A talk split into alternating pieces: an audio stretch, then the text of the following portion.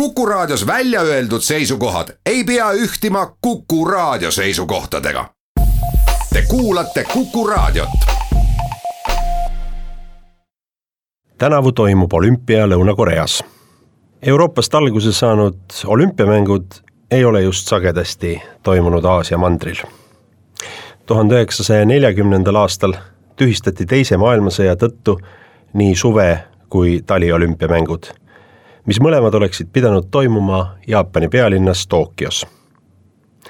järgmine võimalus anti Jaapanile tuhande üheksasaja kuuekümne neljandal aastal, mil Tokyos toimunud suveolümpia oli jaapanlastele omasel kombel edulugu. eestlane Jaak Lipso võitis Nõukogude Liidu korvpallikoondise koosseisus hõbemedali ning sama karva autasu sai kaela kümnevõistleja Rein Aun tuhande üheksasaja seitsmekümne teisel aastal toimus taliolümpia Jaapanis Sapporos ja tuhat üheksasada üheksakümmend kaheksa Naganos. ning kahe tuhande kahekümnendal aastal saab Tokyost esimene linn, kus suvised olümpiamängud on toimunud kaks korda.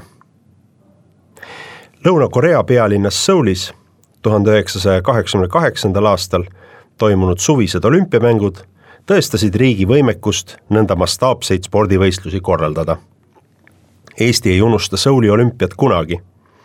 kuigi võisteldes Nõukogude Liidu koondise koosseisus, võitsid nii Erika Salumäe trekisprindis kui Tiit Sokk korvpallis olümpiakulla.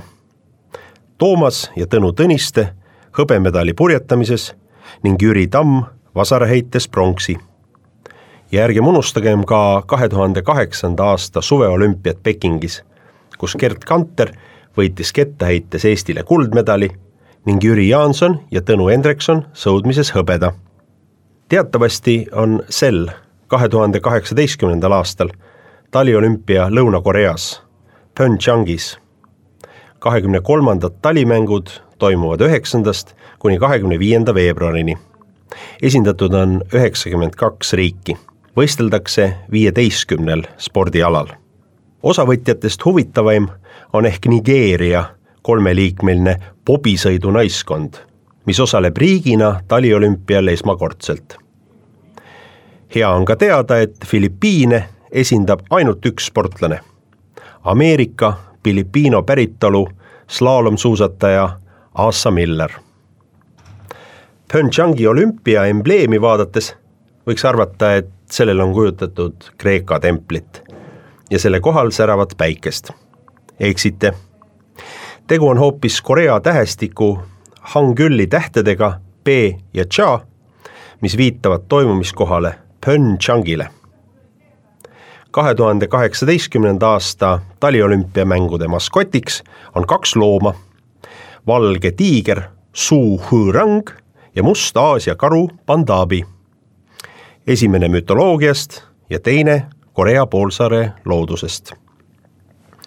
Pyeongchangi mängude ettevalmistusi on varjutanud Põhja-Koreaga seotu.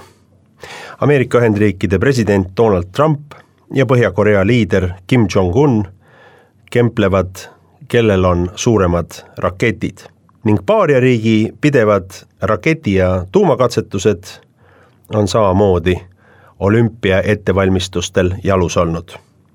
hirm pole asjatu, olümpiamängude toimumiskohad asuvad ohtliku põhjanaabri piirist kaheksakümne kilomeetri kaugusel.